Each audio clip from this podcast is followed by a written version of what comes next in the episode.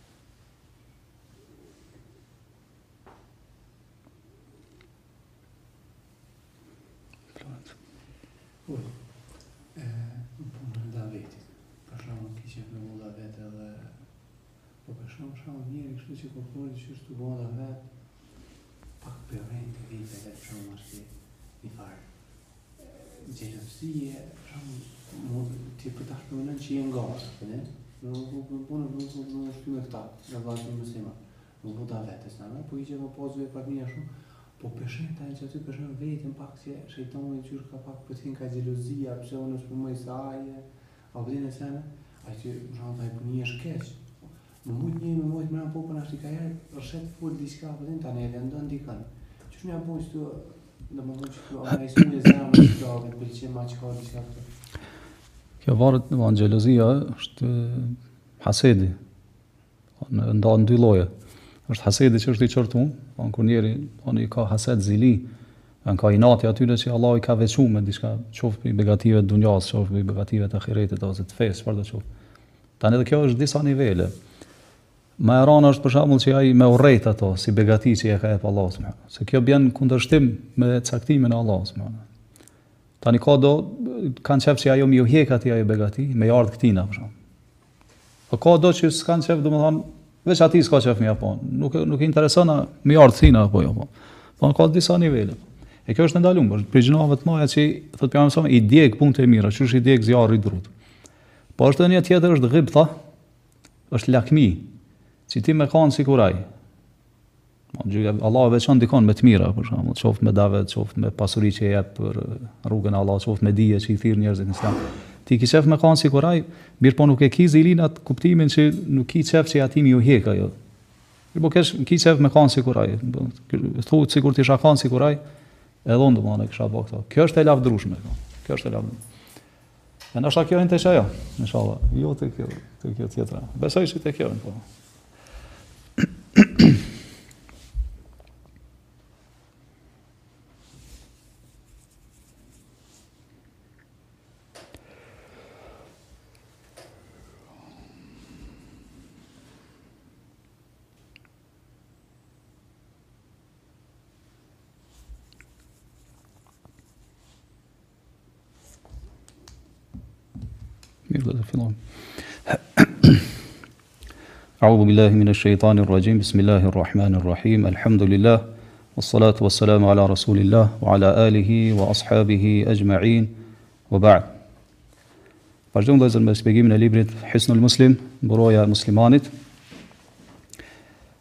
Sonte me lejen e Allahut dhe ndihmën e Tij subhanahu wa taala do të flasim apo do të hyjmë tek hadithet që i ka sjellë autori që kanë të bëjnë me dhikrin kur njeriu muslimani zgjohet nga gjumi.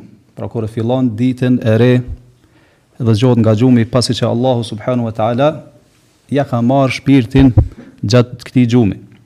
Pra çdo njeri, pra muslimani Apo njeriu në përgjithësi, posa t'i hapë sytë dhe fillon ditën e tij të re, do të thotë posa zgjohet dhe kthjellohet nga gjumi në të cilin ka qenë, Allahu subhanahu wa ta'ala do të thotë në ato çaste ja kthen shpirtin, ja kthen shpirtin pas një vdekje të vogël, që quhet el mautetu sughra, pra gjumi,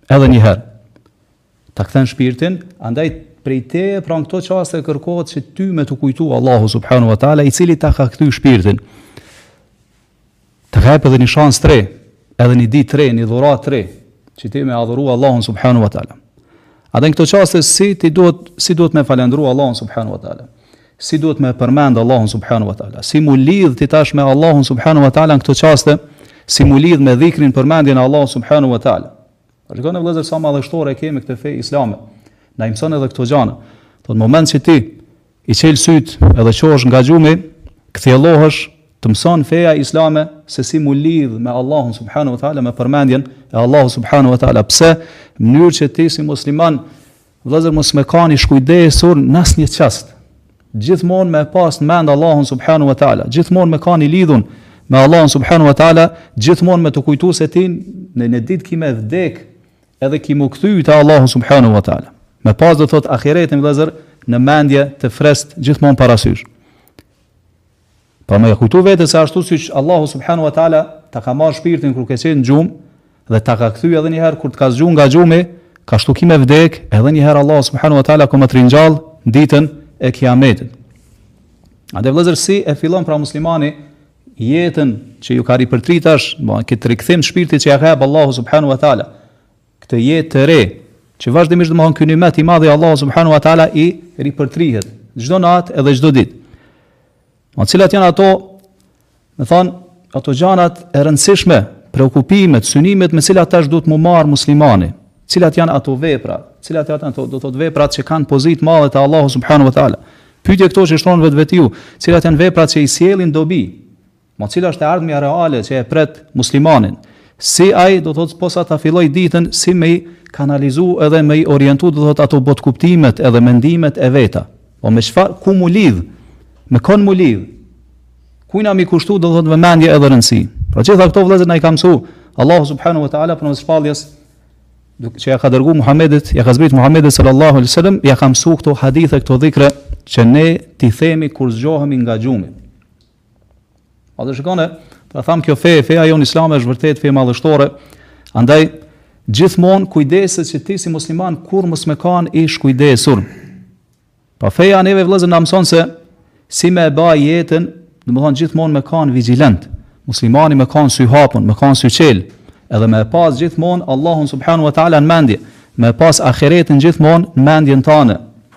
Kurrë do thotë mos me tregu i shkujdesur se një ditë ti ki me vdek, e po ashtu ka m'ardh dita kur ki mu ringjall, edhe ki me dal para Allahut subhanahu wa taala për me dhënë llogari për veprat që i ke bërë.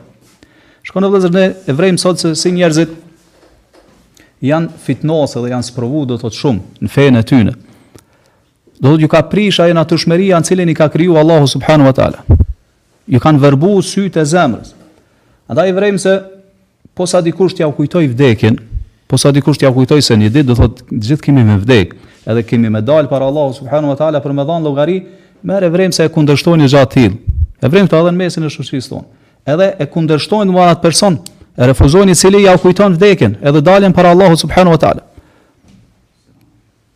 Aq më tepër domthon te rinia dhe thonë pse po ja përmendni rinisë domthon këto gjëra po. Pse s'po i lani domthon rinin me jetu? Pse po ja trazoni do thot at, ato kënaqësi të jetës? Pse po ja përmendni vdekjen? Pse po ja përmendni çka ahiretin se njerëzit kanë me dal, kanë me vdekë, kanë me dal para Allahut subhanahu wa taala. Kanë me dhanë llogari, pastaj xheneti, pastaj zjarri. Leni thonë që kanë me jetu kështu pa frikë. Edhe mos me kanë kështu gjithmonë n'gjendje, pritje se çka po i gjen. Jo vëllezër, ne si musliman ju themi se ne nuk jemi kështu vëllezër se, se botëkuptimi i muslimanit, thon ato preokupimet e muslimanit, ato gjana që kanë rëndësishme, që janë të rëndësishme, kanë rëndësi në jetën e muslimanit, dallojnë shumë Prej gjanave, njerëzve që janë ithtar, e ose me thanë adhurus të jetës kësaj bote, të cilët kurrë nuk e sjellin ndërmend vllezër çka ahiretin, të cilët kurrë nuk, nuk u shkojnë ndërmend të mirat dhe begatit që jau ka jep Allahu subhanahu wa ta'ala. Andaj shikoni vllezër këtu, sa i rëndësishëm është ky hadith, thash që e ka sjell autori, rahimahullah, që e thot muslimani, posa të zgjohet nga gjumi, Çfarë thu? Elhamdulillahi ledhi ahjana. Thu, çdo lavdrim dhe çdo falendrim i përket Allahut i cili na ngjalli. Ba'da ma ematena, pasi që na bëri të vdesim. Wa ilejhin nushur. Dhe tek ai është kthimi dhe tubimi. Shikoni dhe posa pra i çel muslimani syt me një herë çka gjuha i lviz edhe falënderon Allahun subhanahu wa taala. Atij do thotë i atribon çdo lavd, çdo falënderim për begatitë e mëdhaja që ia ka jep në jetën e tij, në fenë e tij, begati të shumta të cilat na mbulojnë. E falënderon Allahun subhanahu wa taala se ta ka kthy edhe një herë shpirtin trup, edhe të ka jep shans të re që ti, mu lidh edhe një herë me Allahun edhe me adhuru Allahun gjatë ditës. Pasi që siç tham ta ka marr shpirtin po. Se gjumi vëllezër siç tham është vdekje. Allahu thot Allahu yatawaffa al-anfus hina mautiha. Sura Zumar thot Allahu i merr shpirtrat kur t'ju vjen vdekja thot atyre. Thot wallati lam tamut fi manamiha. E po ashtu thot Allahu e merr dhe atë shpirt i cili është në gjum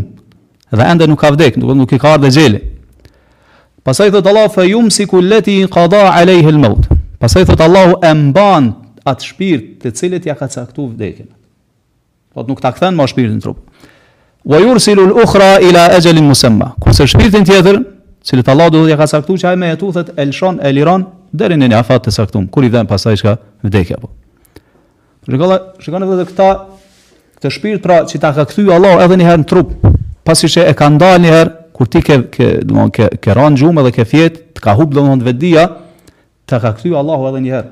Ta ka kthy edhe një herë, andaj kjo është vëllazër begati e re. Tu ka ripërtri kjo begati. Është ditë e re e cila të thret ty që ti do thot me kanë syçel. Edhe me ia dit vlerën dhe begatin të madhe që të ka jep Allahu subhanu wa ta'ala. Me di që është begati që të ka jep Allahu, andaj duhet vllezër me shfrytzu. Se është jetë që po ripërtrihka çka çdo ditë. Çdo herë ndodh ky proces dhe. Gjumi, pastaj çka marrja e shpirtit, pastaj po t'u kthejka edhe njëherë shpirti në trup. Andaj vllezër është begati e madhe që duhet me dit, me ia dit do thot atë vlerën.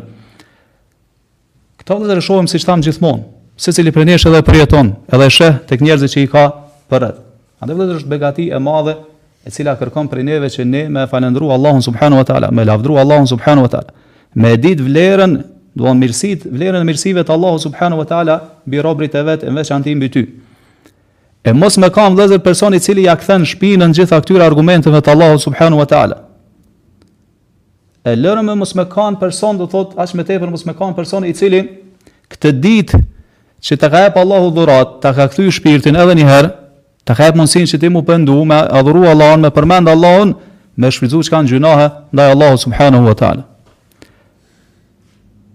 Aq më tepër, do thotë, kjo është ma hala më e ranë, kur njeri do thotë në vend që me përmend Allahun, kur t'i çel sytë, edhe të ka kthy shpirtin çka, ai, ditën e fillon çka me haram Allahun. ose duke fol haram, ose duke vepru haram, ose çka duke shiku haram, ose duke dëgju haram, ose Allahu na ruaj duke bërë shirk ndoshta duke adhuru dikon tjetër përveç Allahut subhanahu wa taala. Andaj vëllezër kjo, Kjo është nimet i madh që njeriu duhet me shfrytëzu dhe me falënderu Allahun subhanahu wa taala në çdo çast të kësaj jete ti me e shfrytëzu në gjëra që e kënaqin Allahun subhanahu wa taala. Pra vëllezër këta e vrejmë, apo, ka njerëz kemi dëgju që vdesin çka në gjumë. Këta Allahu po e përmend këta edhe në Kur'an. Kur ti vetë shpesh, qysh bre vdiq, çka thotë, valla ra me flejt çka edhe, vdiq, nuk u çu më, apo. Pra kjo vëllezër realitet, pra që për mu ka me ndodhë secilit prej nesh. Pra se Allah subhanahu wa ta'ala, pra e merr shpirtin e njeriut, gjatë gjumit pastaj çka, kur zgjohesh ta kthen edhe njëherë.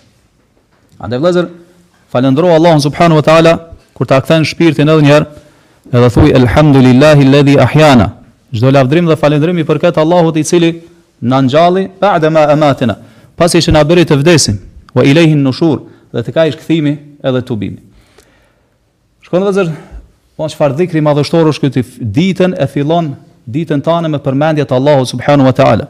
Ashtu siç e ke mbyll ditën çka kur ke ra me fjet me përmendje të Allahut subhanahu wa taala. Kështu që engjëjt çfarë shkruajnë në regjistrin e veprave tua? Shkruajnë do të thotë se si ti, si rob i mirë i Allahut do të thotë ditën e ke filluar me dhikr, edhe e ke mbyll çka me dhikr. Andaj dobia e kësaj vëllezër është që shpresohet që punët që ti i bën, lëshimet, gabimet brenda këtyre dyjave, shpresohet shumë që çka me t'u fal prej Allahut subhanahu wa taala. Përderisa fillimin e ke pas të mirë, çka edhe mbarimin mbylljen e ke pas të mirë. Do të thotë me përmendje edhe dhikr të Allahut subhanahu wa taala. Shikoni vëllezër këtu pejgamberi sallallahu alaihi wasallam zgjimin nga gjumi e ka qujt ihya, ngjallje, do thotë hayat, është jetë. Ashtu si gjumin e ka qujt çka? En-naum. Ashtu si gjumin en-naum e ka qujt çka vdekje, maut. Sa vëllezër e kanë pyet pejgamberin sallallahu alaihi wasallam, a flajn banorët e xhenetit, çka ka thonë jo. Ka thonë se gjumi është çka? Vllai i vdekjes apo. Por çka banorët e xhenetit jetën e kanë të plotë. Andaj gjumi çka qenka? Si lloj vdekje, si lloj mangësie, kështu që banorët e xhenetit nuk flajn. Nuk ka gjumë do thotë n'xhenet, mirëpo gjithmonë çka është kënaqësi e përhershme. Vëllezër, pse e ka qujt vdekje pejgamberi sallallahu alaihi wasallam në këtë hadith gjumin se kur njeri flan, domethënë e humb vetdijen. Nuk ndjen ata për gjana që që e rrethojnë. Është interesant subhanallahu se shpirti vëllezër ka lidhje, domethënë të llojllojta me trupin. Edhe kjo është i përket botës së gajbit. Thotë ka ndërlidhje të shumta me trupin sa i përket domethënë lidhjes e po ashtu edhe ndarjes nga trupi. Pra në disa raste vëllezër shpirti çka shkputet prej trupit, shkputet me shkputje të përhershme. Edhe trupi bëhet çka gjenaze bëhet kufome e palëvizshme. Do thotë çka? Vdes.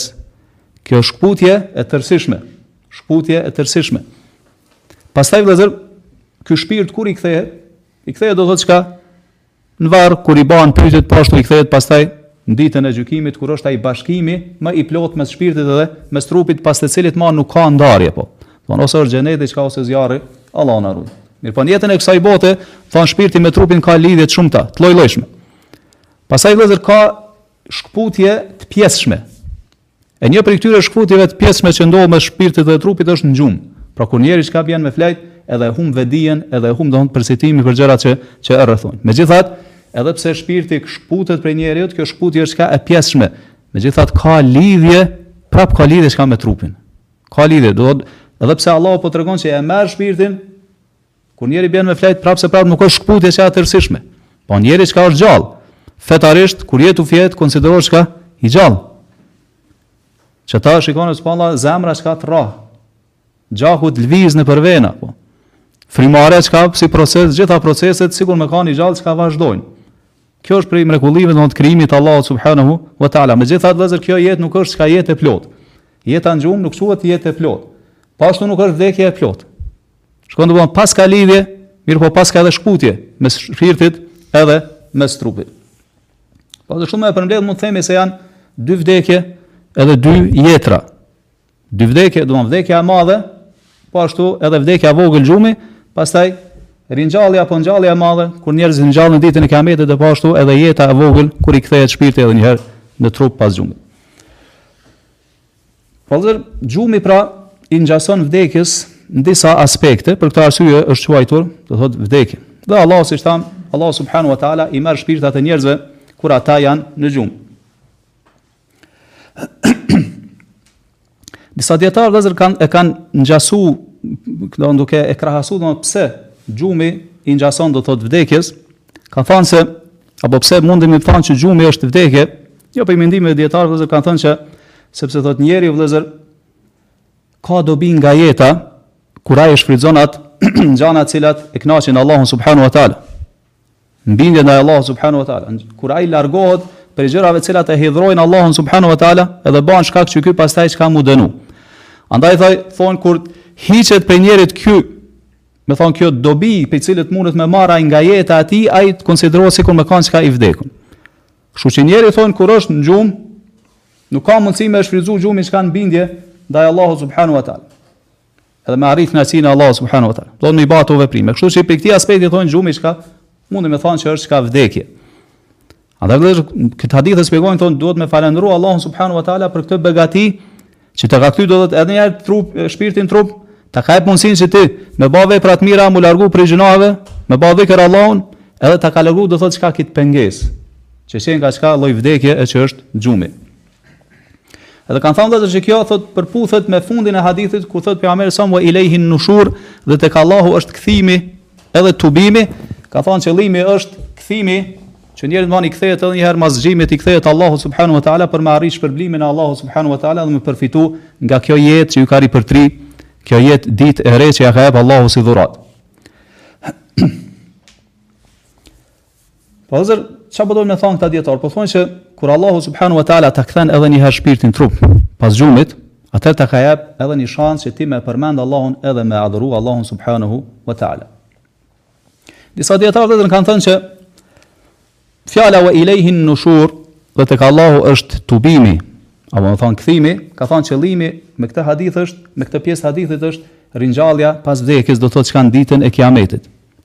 Kështu thot Imam Nevaviu rahimahullah.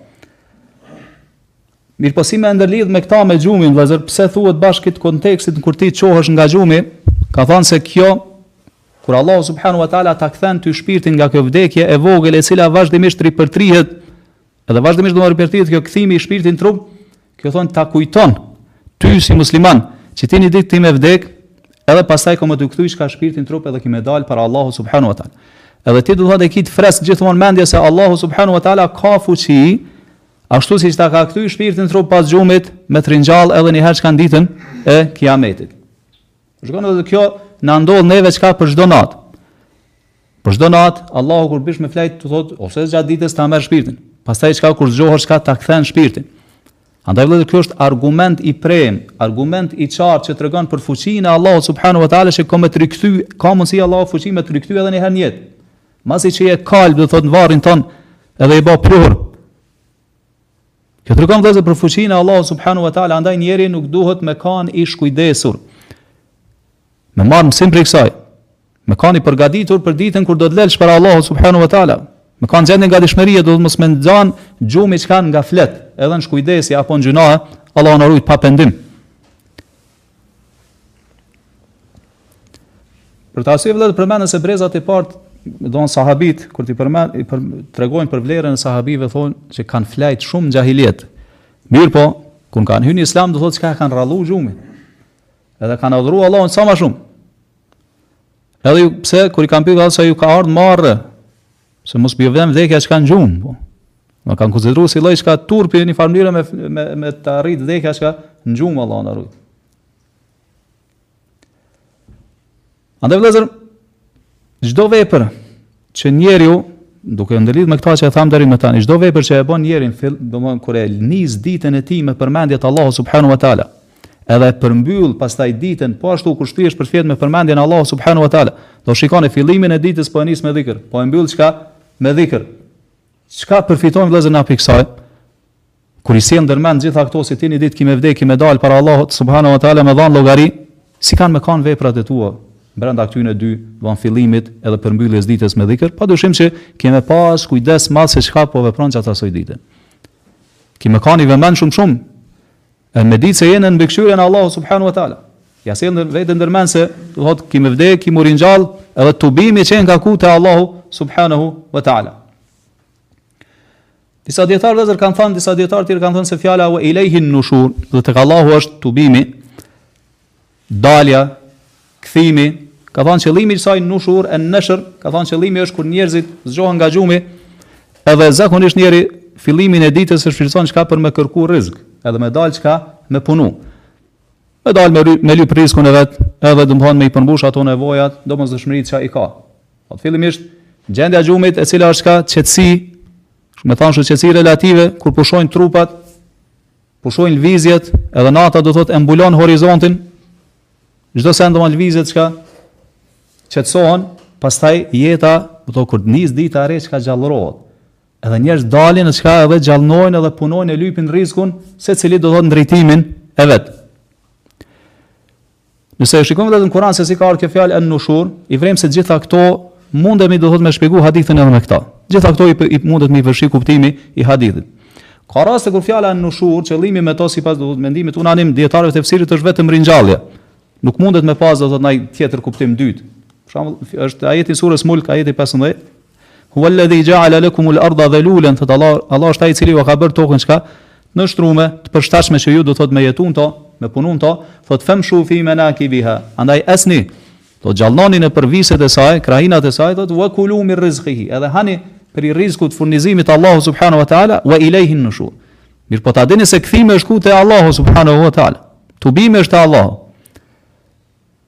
Sipas mendimit unanim dijetarëve të tefsirit edhe ky ajet flet vetëm çka për ringjalljen kur njerëzit dalin prej varreve, domethënë edhe një herë i kthehet jeta edhe Allahu do thotë i ringjall njerëzit i tubon njerëzit për t'i marrë në llogari. Mirpo në surën Furqan fjala nushur përmendet me qit qëllim që e kanë shpjeguar këta dijetarë ky mendimi i tretë që e morëm do të thotë se qëllimi është kur njerëzit dalin edhe gjallnojnë edhe punojnë.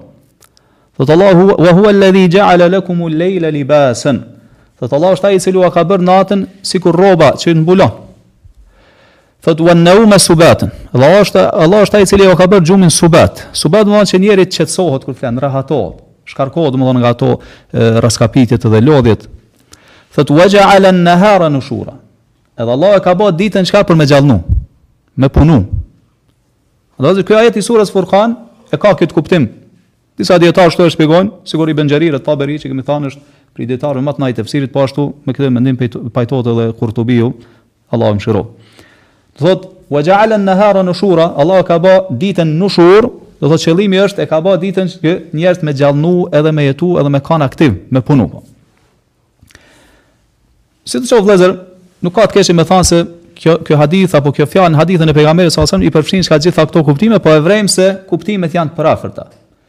Po me parasysh tash edhe me shpjegu sipas këtij mendimi të fundit që po pas një, me thon kështu, qetësie relative, njerëzit pastaj çka dalin edhe gjallnojnë, edhe kjo ta kujton ahiretin, edhe kjo ta kujton çka vdekën, padyshim po.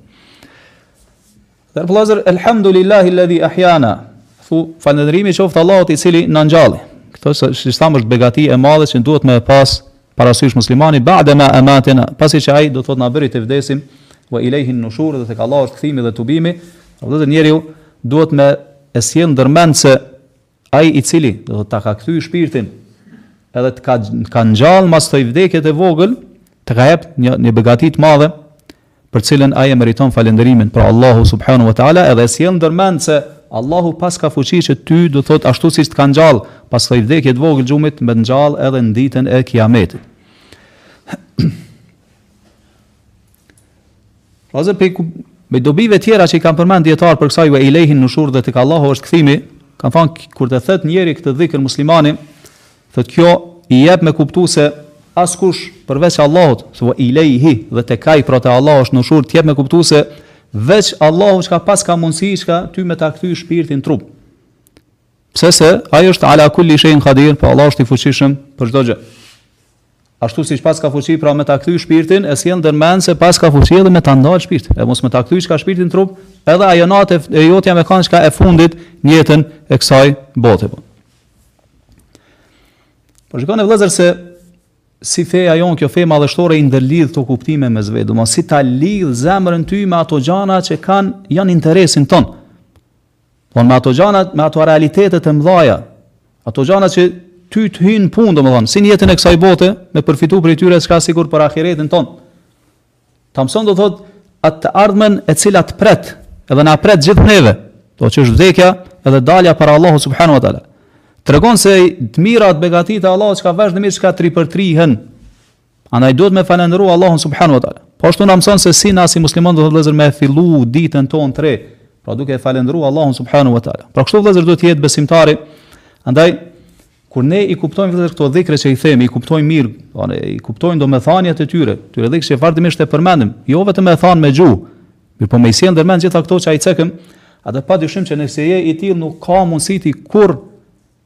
Mu kap nga shkujdesja. Mos me harru Allahun çka nga mendja jote po. Por gjithmonë ki me pas Allahun pranishëm në zemrën edhe në mendjen tonë. Si ka mundësi do të thonë vëllazër që njëri po kur e thot këtë dhikër i, i kujton gjitha këto që i përmendëm, me harru pastaj Allahun gjatë ditës. Është e pamundshme. Është e pamundshme. Kjo është vëllazër sa i përket këtij hadithi. Hadithi tjetër që ka sjell autori rahimullah, që është hadithi i dytë, që ndërlidhet po ashtu me Dhikri që thuhet kur njeriu zgjohet nga gjumi, është po ashtu vëllezër një një dhikr madhështor. Është hadithi i Ubades radhiyallahu an, i cili thotë se pejgamberi sallallahu alaihi wasallam ka thënë se men ta'arra min al-layl, atë, kujt i del gjumi gjatë natës. Hina yastayqidh, pra kur zgjohet. Dhe thotë, La ilaha illa Allahu wahdahu la sharika lah. Nuk ka të adhuruar të vërtetë përveç Allahut, i cili është një dhe i vetëm dhe i pashoq. Lahul mulku wa lahul hamd. Atij i përket pushteti, sundimi dhe lavdimi, falënderimi. Wa huwa ala kulli shay'in qadir. Dhe ai është i fuqishëm të bëjë çfarë të dojë.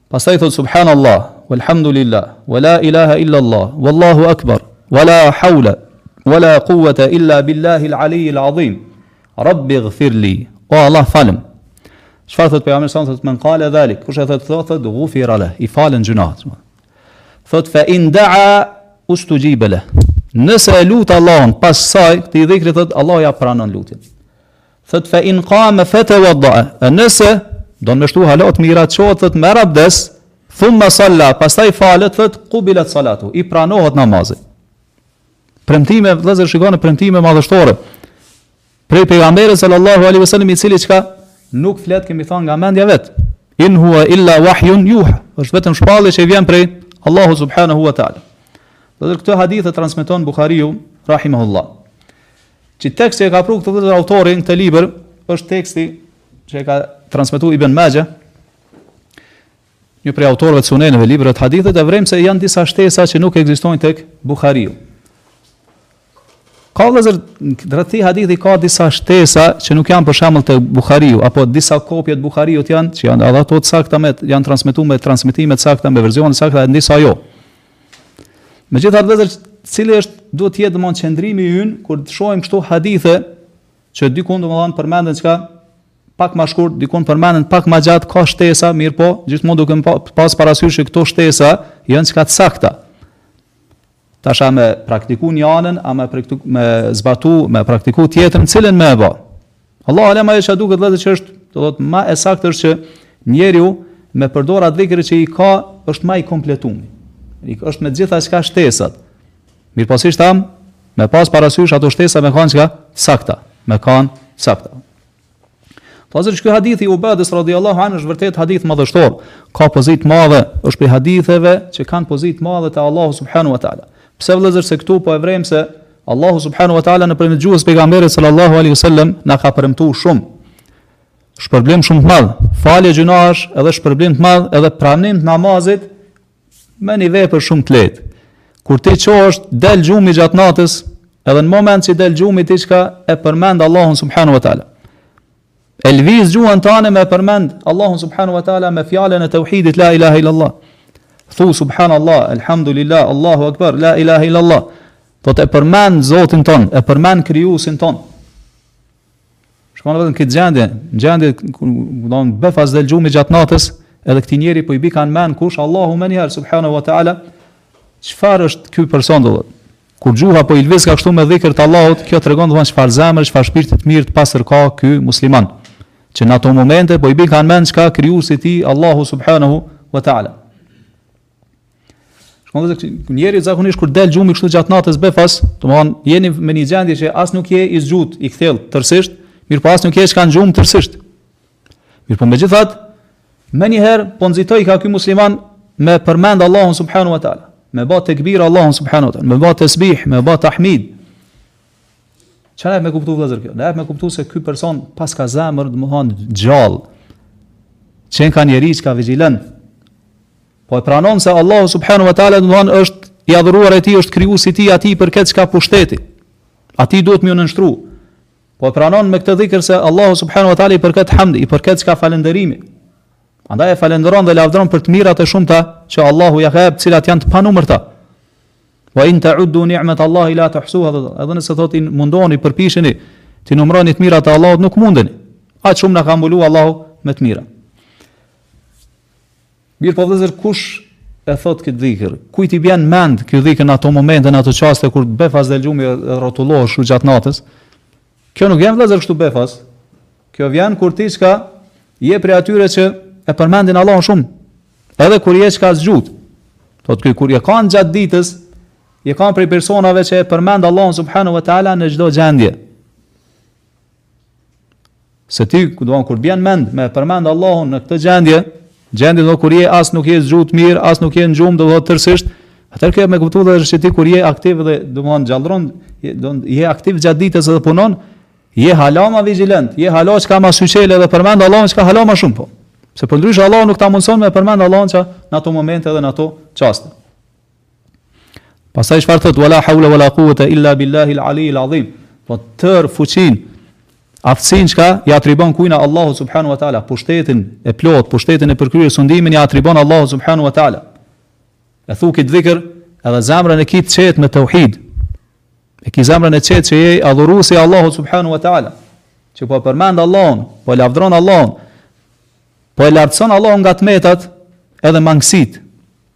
Edhe po pranon se vetë je çka krijesë e dobët.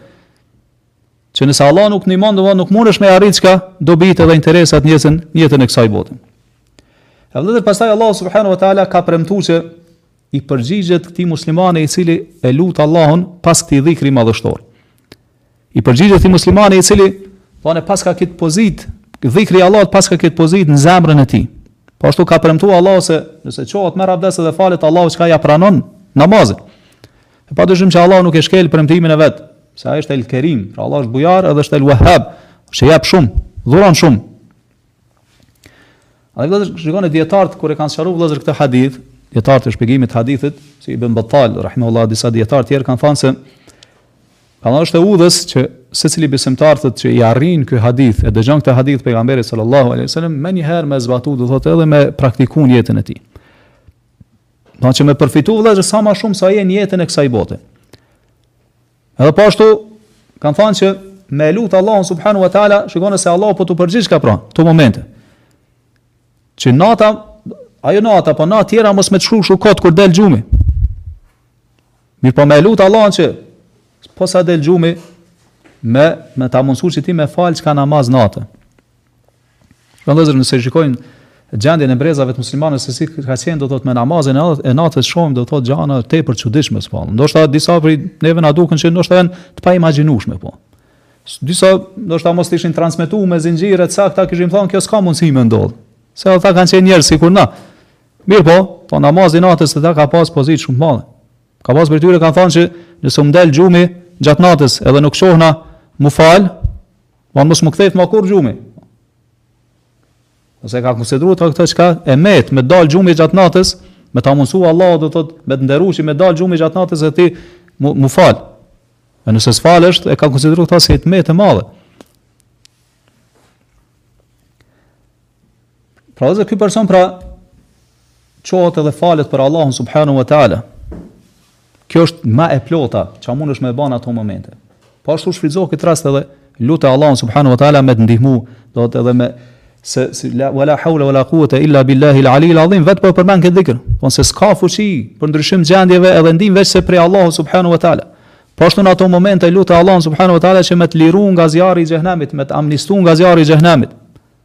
Po ashtu lute Allahun subhanahu wa ta'ala që gjithmonë me të jep sukses n'bonjen e veprave që janë prej atyne vepra, veprave, veprat e njerëzve të mirë.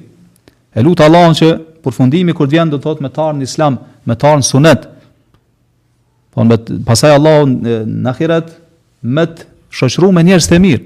Kështu ka qenë vëllezër kështu lutjet, kanë qenë lutjet e pejgamberëve. Lutjet e njerëzve të mirë para neve.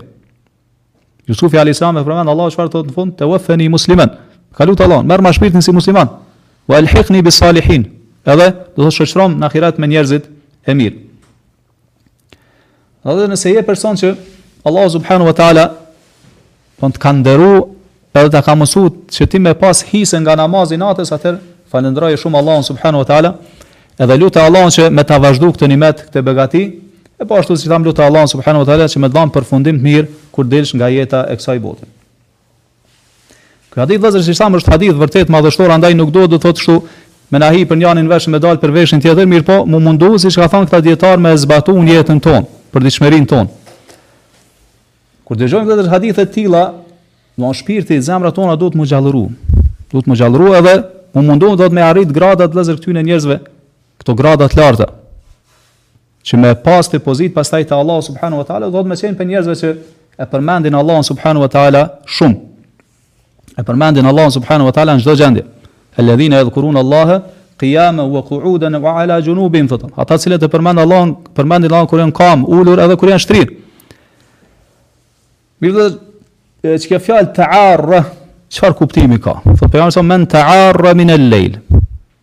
M'u mundu me përkthy kështu, m'ia përshtat kujt i del gjumi gjatë natës. Mirëpo padyshim që arabishtja nuk është sikur gjuhët tjera, një fjalë domethënë përfshin çka shumë kuptime. Andaj çfarë është kuptimi vëllezër i kësaj fjale, sipas shumicës së dijetarëve kanë thënë është kur njeriut i del gjumi befas gjatë natës, edhe ai pastaj çka rrotullohet edhe gjatë atij rrotullimi lëshon ofsham edhe za, po. Një farë mënyrë s'mundet çka m'u, m'u rahatu. Pra po i del gjumi edhe zakonisht e lëshon një a gjatë apo një hë kështu, një farë ofshame ose pëshëritime, edhe mundohet me e kthy çka edhe një herë, gjumin rrotullohet çka në krahun tjetër apo e ndrron çka pozitën në të cilën është. Që kjo është të'ara, et-te'arri minel-lejl. Mirëpo shikoni vëllezër, do thotë pozitën e këtij njeriu. Ky tash, I ka dalë gjumi, ju ka prish gjumi gjatë natës. Mirëpo ky nuk po qenka, nuk qenka si personat tjerë, ky muslimani mirë. Do thotë nuk po e lshojka këtë ofshamë, kështu. Ose këtë psherëtim, ose naj farë fjale të keqe me thanë që s'po e merr gjumi, mirëpo çka, menjëherë për po ju kujtojka çka Allahu, subhanehu te. Menjëherë çka po e përmendka, Allahun, subhanehu te, dhe po e thojka këtë dhikër, madhështor.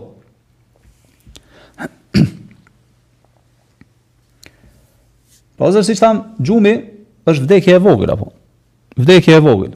Tash ky person shikoni edhe e përmendëm më herët kur t'i del gjumi apo kur befasisht të del gjumi të prishet gjumi gjatë natës, jemi në gjendje do thotë kështu, as nuk je siç thamë tërësisht i kthjellët, mirëpo as nuk je çka tërësisht në gjumë. Edhe zakonisht njerëzit kur janë në kët gjendje, do thotë në njëfar mënyre luftojnë me gjumin, mundohet me kthy gjumin, mundohet edhe një herë me kthy n'gjum, mirëpo ky person jo. Këtij në ato momente do thotë po ju kujtojka Allahu subhanehu ve teala dhe siç thamë vëllezër kjo tregon për zemër të gjallë, për zemër vigjilente të këtij muslimanit.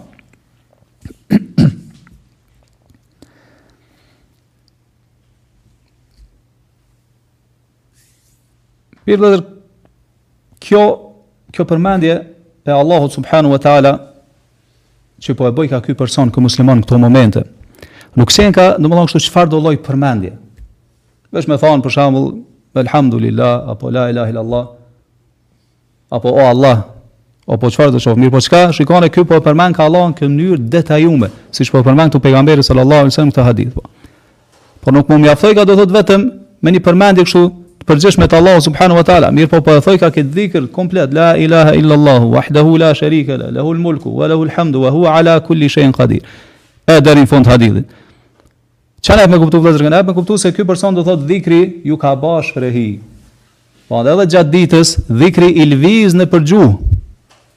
E ka gjuhën e njomë me përmendje të Allahut subhanahu wa taala. Andaj edhe në atë çast, në ato momente, domethënë që për dikon ndoshta janë të vështira, që s'mund domethënë me e kthy edhe një herë gjumin, ky po e përmendka Allahun subhanahu wa taala. Vërtet vëllezër kjo është me u ndal me mendu çështje shumë e çuditshme. Dhe kjo është e mirë vetëm se për atë besimtar i cili e ka gjuhën e lagur me përmendjen e Allahut subhanahu wa taala.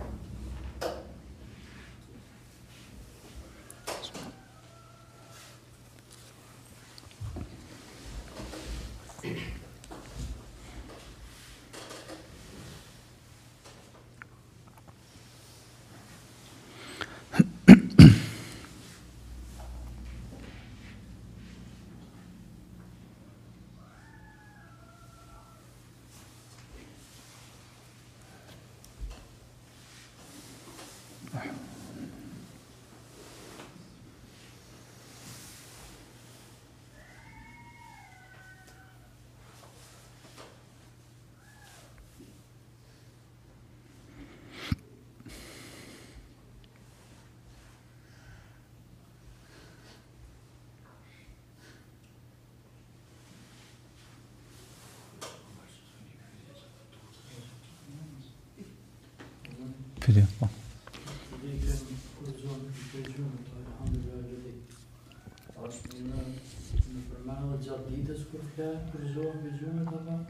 Do ta marrim inshallah këtë si mesele. Domethënë dhikret që thuhen kur shtrihet njeri për me flejt ose kur zgjohet nga gjumi, a janë veç për dhikrin e natës? Kur shtrihesh me flejt gjatë natës apo kur çohesh prej dhikrit natës a vlejnë edhe për ditën, bën me i përdor edhe ditë. Realisht, me përmend kështu pika shkurt ka hilaf mes dietarëve. Disa thonë këto janë vetëm për natë. Po kur shtrihesh me flejt çka dhikri që po mësojmë, që do ta marrim inshallah, është veç kur shtrihesh për me flejt edhe kur çohesh prej gjumit natës. Mirpo ka dietarë që thonë s'prish punë me përdor edhe gjatë gjumit ditës. Njëjtin dhikr që e thu gjatë natës me përdor edhe kur shtrihesh për me flejt për shembull gjatë ditës, edhe njëjtin dhikr me thon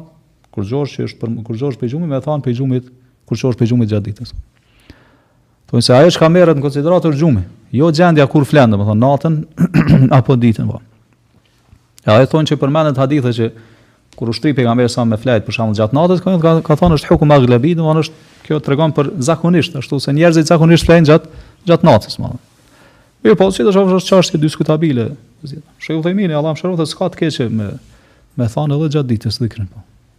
Që kur kur shtrihesh me flejtë, sikur kur zgjohesh, thonë, thotë nuk ka gajle, po.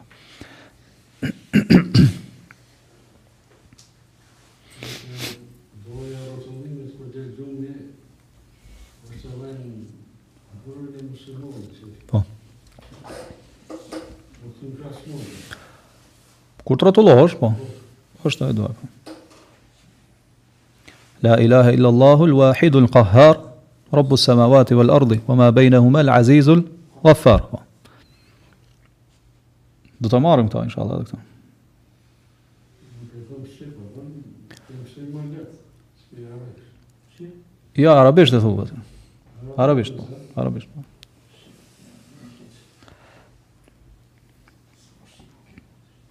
Ne e kemi marrë vëllezër më herët se nuk e ceka gjatë dersit, pra unë thamë në disa transmitime ka shtesa, në disa ka, do thotë fjalë pak më ndryshe se tjera. Disa thonë kjo është prej veprimit që kanë marrë disa transmetues, domethënë, një fjalë ka zavendësuar me një tjetër. Ai ka pru një fjalë fjalë të ngjashme sigurisht në kuptim.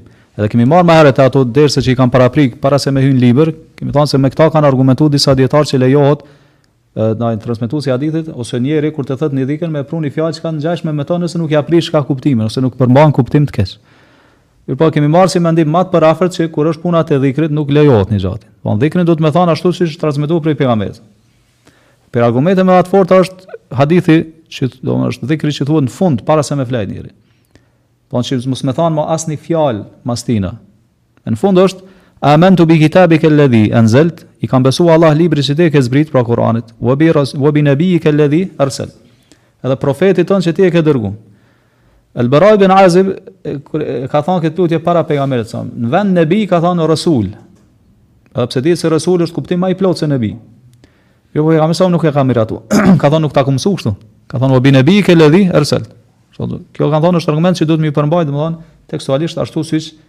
Kanë ardhë, Në arabisht. Shumë që shqip s'vjen shprehje.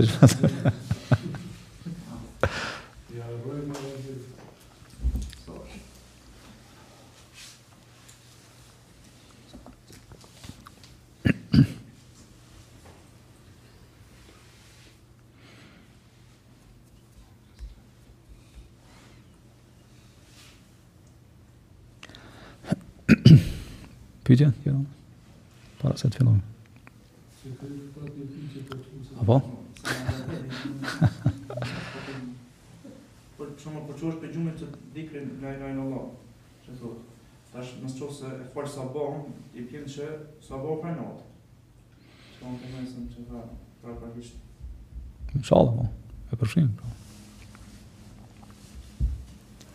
Mirëpo, kemi thamë vëllezër gjithmonë këto hadithet në cilat ka, domethënë, premtim për me arrit diçka një shpërblim të madh ose falje gjynahe gjithmonë duhet me i bashku me hadithe tjera, me tekste tjera, domethënë posaçërisht me ato, hadithe që flasin, cilat janë kushtet me t'u pranu çka vepra. Ose ka pengesa që me të pranu një vepër. Thonë ti mundesh me kanë duke ushqy çka me haram. Duke i ba çka për shembull ai gjunat mdha që i bahet penges me të pranu çka vepër. E ti tash me thanë dhe unë e pëthu që të pëtha që të dikër edhe Allah po ma pranu çka kjo nuk shkon. Po. E gjithmonë vllezër, domethanë ai shpërblimi që përmendet hadithe, apo domethanë falja gjunat, apo çfarëdo qoftë, dhe do të më, më, nuk do të me kuptu kështu vetëm baz të atij hadithi, më do të me i bashku me gjitha hadithet tjera. Mu ba bashkë, domethanë, gjitha kushtet dhe mu largu çka gjitha pengeset. Po.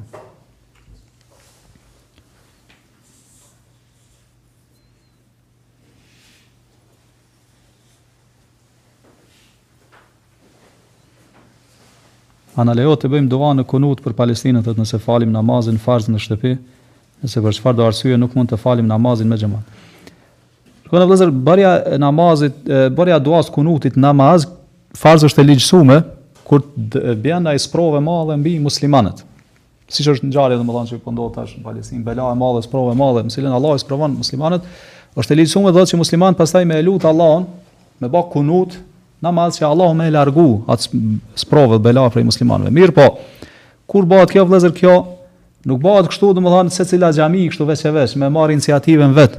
Kjo duhet të bëhet domethënë çka me ardh, domethanë urdhër prej organeve përkatëse, domethanë, sikur te bashkësia islame për shembull e Kosovës, ja po urdhëron që nesër për shembull namazin e sabat në gjitha xhamitë e Kosovës me bë dua kunutit për Palestinë. Po. Kjo shkon kështu vëllazër. Ndërlidhet domthon me ata që kujdesen për çështjet e muslimanëve në atë vend. Se nëse njëri i bën tjetri nuk e bën shkakton çka anarki. Andaj ti mundesh me bë dua, domethënë jashtë kësaj. Mundesh me bë dua kur je në sexhde, mundesh me bë dua mes ezanit ikametit, si musliman kështu vetë, mos e po thu vetë po. Nëse nuk bëhet në xhami, bën dua domethënë pjesën e tretë natës. Kurrkush nuk ta ndalon këtë, bë dua ka cilë, ku në çfarëdo gjendje, lutë Allahun vonë që Allahu me ia largu atë gjendje t'randë që i ka në cilën janë kanë ra, edhe me largu atë sprovë domethënë edhe me i rujt, me ia rujt jetën, me ia rujt pasurinë, me ia rujt fëmijët, shëndetin, familjen e kështu me radhë. Po.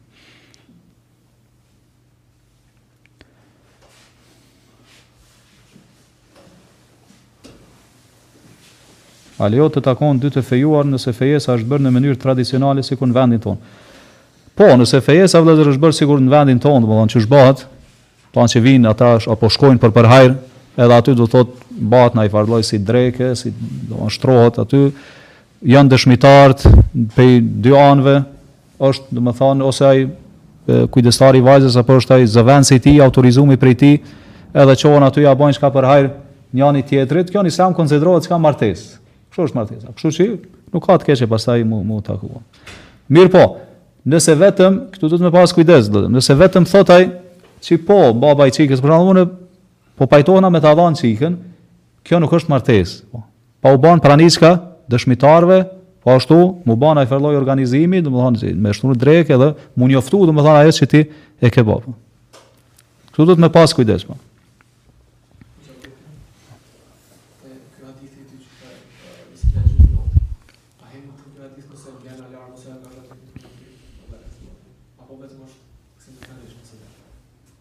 Po, inshallah. Se tash do ta marrim më vonë që ka hilaf, domethënë është për qëllim, a është kjo prej dhikreve që domethënë kur ti e bën je tu u çu prej gjumit përfundimisht apo është veç dhikr që kështu t'del gjumi gjatë natës po. Inshallah s'ka të keqe, është domethënë, s'prish më.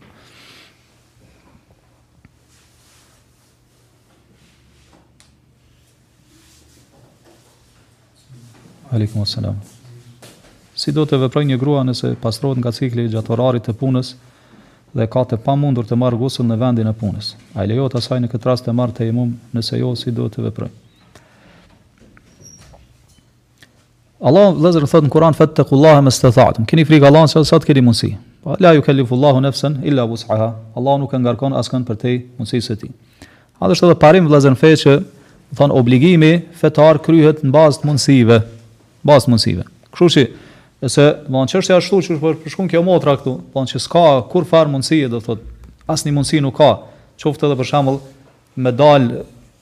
për një çast të shkurt ose ose me dal, domethënë me marr leje, me dal prej punës, me shku n'shpi, domethënë mu pastru apo çfarëdo qoftë, atëherë von ska ju një shterr çka të gjitha mundësitë, atëherë merr tejemum edhe falet, po. Merr tejemum edhe falet, po.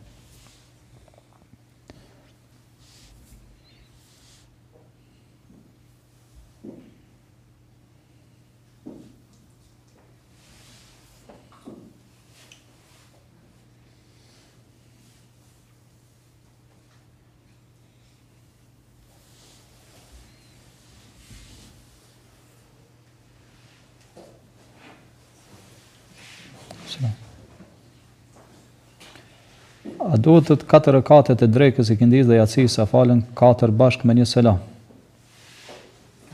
A është për qëllim, pytja domethënë namazi farz, apo namazi sunet, duhet me detajizu këtë vëllezër në pytje, se nuk po kupto, domethënë, sa i përket farzeve, domethënë dihet që çysh falen farze, po patjetër duhet me i nda, nuk lejohet me i falë katër rekate ngjitë njanin me tjetrin, po, por ndahen dy nga dy, dy, domethënë, ulesh në uljen e parë teshehudit, e thu etehijatin, disa dijetarë thonë prej sunetit është me i thonë çka edhe salavatet në uljen e parë, pastaj çohesh në rekatin e tretë dhe katërt, po jo me i ngjit kështu rekatet mes vete, jo.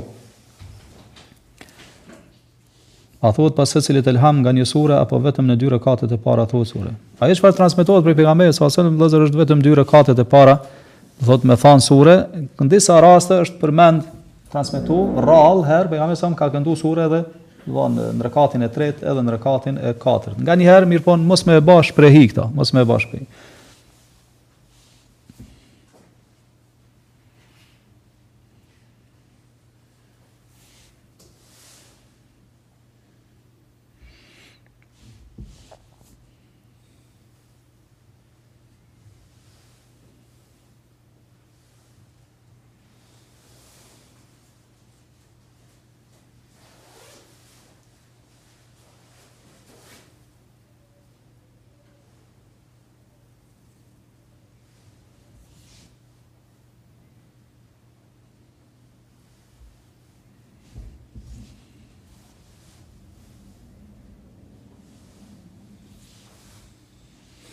Çka duhet të veprojmë nëse vazhdon rekatin e tretë, por nuk e di se a ke thënë ettehijatin. Po nëse të s'kujtohet vëllezër, a ke thënë ettehijatin e parë, po masi që je ngri do të thotë në rekatin e tretë, atëherë në fund bën sehvi sexhde. Bën sehvi sexhde, bën se se ettehijati i parë, Sipas mendimit ma t'saktë inshallah dijetarëve është obligim. Ndërsa ettehjati i fundit është shtyllë e namazit pa të cilën nuk bën. Po në tehjati i parë ulja edhe këndimi i tehjatit është obligim. Sikur ulja sikur këndimi. Ndërsa tehjati i fundit sikur ulja sikur këndimi, leximi është shtyllë prej shtyllave të namazit. Ka mendime që është sunet ky i pari do thotë. Sido qoftë, mendimi më i fortë inshallah është është obligim, kështu që po nëse ki dyshim, a e ke thënë apo jo, atëherë bën sehvi sexhde në fund. Mirëpo, kjo nëse s'ki vesvese. Nëse je domethënë njeri që Allahu s'të ka sprovu me vesvese. Nëse ki vesvese, edhe ndodh shpesh kjo, ma qysh me ditë tash a ki vesvese apo nëse ndodh shpesh. Në moment që ndodh shpesh, domethënë kjo tregon se është një gjendje e çrregullt, se nuk ka mundësi njeri qeka gjithmonë në çdo namaz gati ose në shumicën e me harru këto. Kështu që e konsideron këta vetëm si vesvese edhe e injoron. Edhe vazhdon namazin ashtu pa ba sehvi sexhde, Ma vonë e vren që ka me të lan kjo, se është kanë prej shejtanit. Kur sheh se nuk po e dëgjon, nuk po i bindesh, ai të len ty. Mirëpo nëse i bindesh e dëgjon, ai ta shton zullumin, ala ma shumë. Nuk nalet vetëm me kaq, po shtin domethënë dyshime, vesvese tjera, kjo shkon vetëm duke u rritë.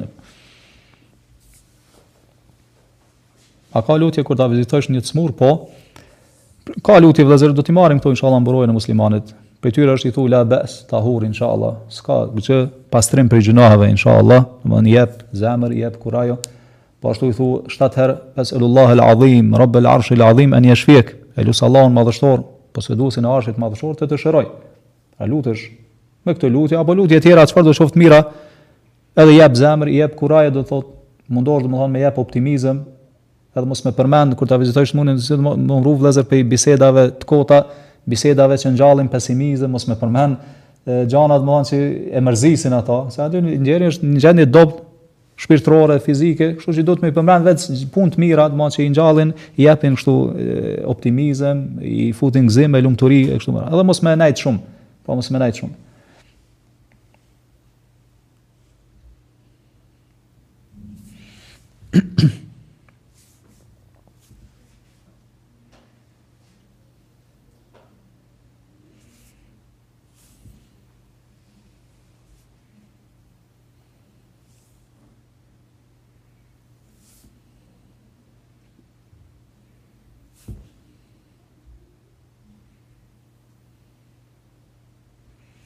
Po pyet për komentimin e një ëndrre, por nuk i komentoj ëndrrat. Dhe komentimi i ëndrrave nuk mundet me bë secili person, domethënë. Po pra, edhe nëse njeri, për shembull, supozojmë që ka dije ose ka sado pak dije fetare, nuk nuk mundet me thanë ata që është kome, me pretenduar që është komentues i ëndrrave. Komentimi i ëndrrave është, thonë, është si lloj dhuntie, që Allahu e jep dikujt prej robve vet. Ia hap domon këtë derë dhe ai fillon pastaj i komenton ëndrrat njerëzve. Pastaj domon komentimi i ëndrrave dallon domethënë për shembull për një person, dy persona për shembull mundën me pa të njëjtën ëndërr për dikon komentohet ndryshe për dikon ndryshe, varësisht prej gjendjes në cilën është ai. A është i bindur ndaj Allahut për shembull, a është person i cili i bën gjynah Allahut. Gjithë këto ndikojnë pastaj edhe në komentimin e gjendjes ëndrrës për të cilën ai e ka pa. Dhe është, domethënë, kjo është si lloj, me thënë kështu dhuntie, që Allahu ia jep njerëzve. Mirëpo, është, ka qenë njëni prej tabiinëve, i njohur Seid ibn Musejib, Kur e kanë pyetur shumë për komentimin e ëndrrave, ka thënë kije frikë Allahun, kur je zgjut, nuk të bën dëm kurrë ajo që e ke pa në ëndërr, po. A muslimani vëllazër nuk duhet me e lidh, çfarë po domethënë, nuk duhet me e lidh, domethënë jetën e tij me ëndrra. Duhet me lidh me lidh domethënë veten e tij me. Mirëpo, domethënë feja jonë është vëllazër feja e realitetit, domethënë feja e punës, feja e angazhimit, domethënë. Pastaj nëse vjen diçka naj përgëzim apo çfarë do shoh n'andërr, inshallah shpresojmë domethënë që është mirë diçka, mirëpo jo do të thotë me u lidh për to. Po. Tu po përmend që paska pa në ëndërr pejgamberin sallallahu alajhi wasallam Po sikur isha në majë të malit dhe dikush më tha shko atje se po të pret Ibrahimi alayhis salam, shkova dhe unë e pashë pejgamberin e madh Ibrahim alayhis salam pastër e qartë. Ishte veshur me rrobë të gjatë dhe të bardhë të pastër dhe mjekra e bardhë e pastër. Kishte një karrike aty pranë tij dhe aty ai po shikonte drejt nga karrikja në karrike kishte rroba të njëjta si te Ibrahim, edhe ai po ma bënte me shenjë, me shkop deshi të më tregojë disa herë se merri janë të tuat. Ka mundësi me më shpjegu se Po. Tash domethënë Allah alem, nuk kam domethënë njohuri se si shpjegohet. Po inshallah është ha, është andërr e hajrit. Po. Shpresojmë te Allah që ke pa hajr, ke pa hajr po. Zakonisht në sunet të pejgamberit a.s. rrobat, pejgamberi a.s. i ka komentu me iman, edhe me fe. thonë ka pas raste kur ka pa pejgamberi a.s. disa njerëz i ka pa që kanë pas rroba këmisha të gjata dikujt thotë i kanë ardhur këtu dikujt deri n' mes trupit dikush e ka përmend Umerin mos gabofsha edhe Abu Bekrin e ka tërheq zvarrë rrobën kur e kanë pyet me çfarë po e interpreton këta i dërguar i Allahut ka thonë me fe me fe në cilën është po Allahu alem po ndoshta është për qëllim feja Allahu alem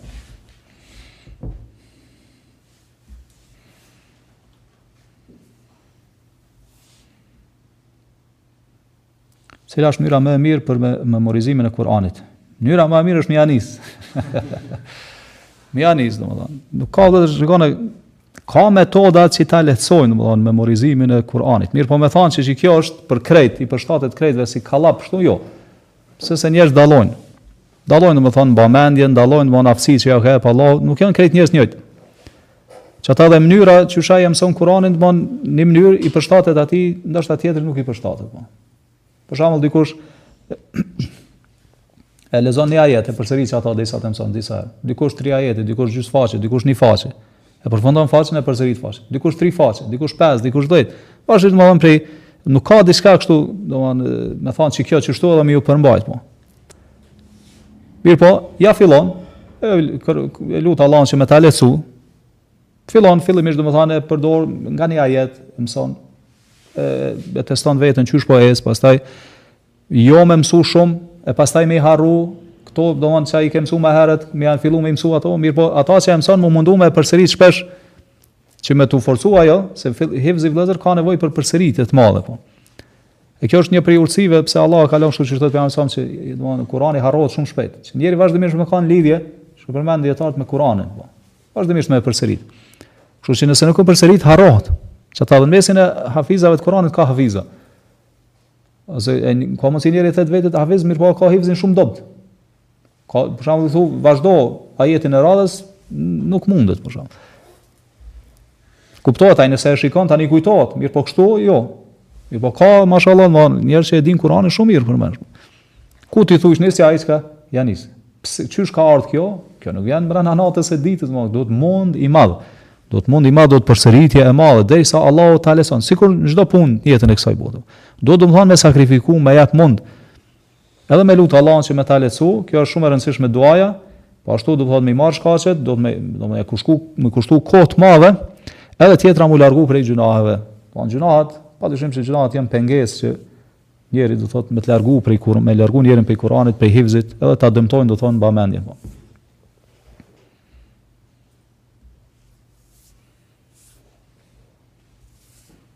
Jetoj në perëndim e punoj 30 kilometra larg shtëpisë. A bën me i shkurtu me i lidh namazet. Jo, 30 kilometra shumë pak. Po kërkosh nuk thotë që, do fetarisht nuk quhesh udhëtar nëse ti udhëton 30 kilometra. Tridhjetë, sa prej këtu me shku në Mitrovicë?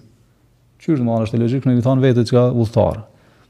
Kjo domethënë nuk e pranon as feja, as logjika e shëndoshë. Domethënë. Von shumica e dijetarëve vëllezër këta çështjen e udhëtimit apo të qenurit njeri udhëtar e lidhin me kilometra, me distancë domethënë, me milje atëherë është mat, mirëpo tash dikun është përmbi 80 kilometra. 80, 81, 82 aty dikun. Po.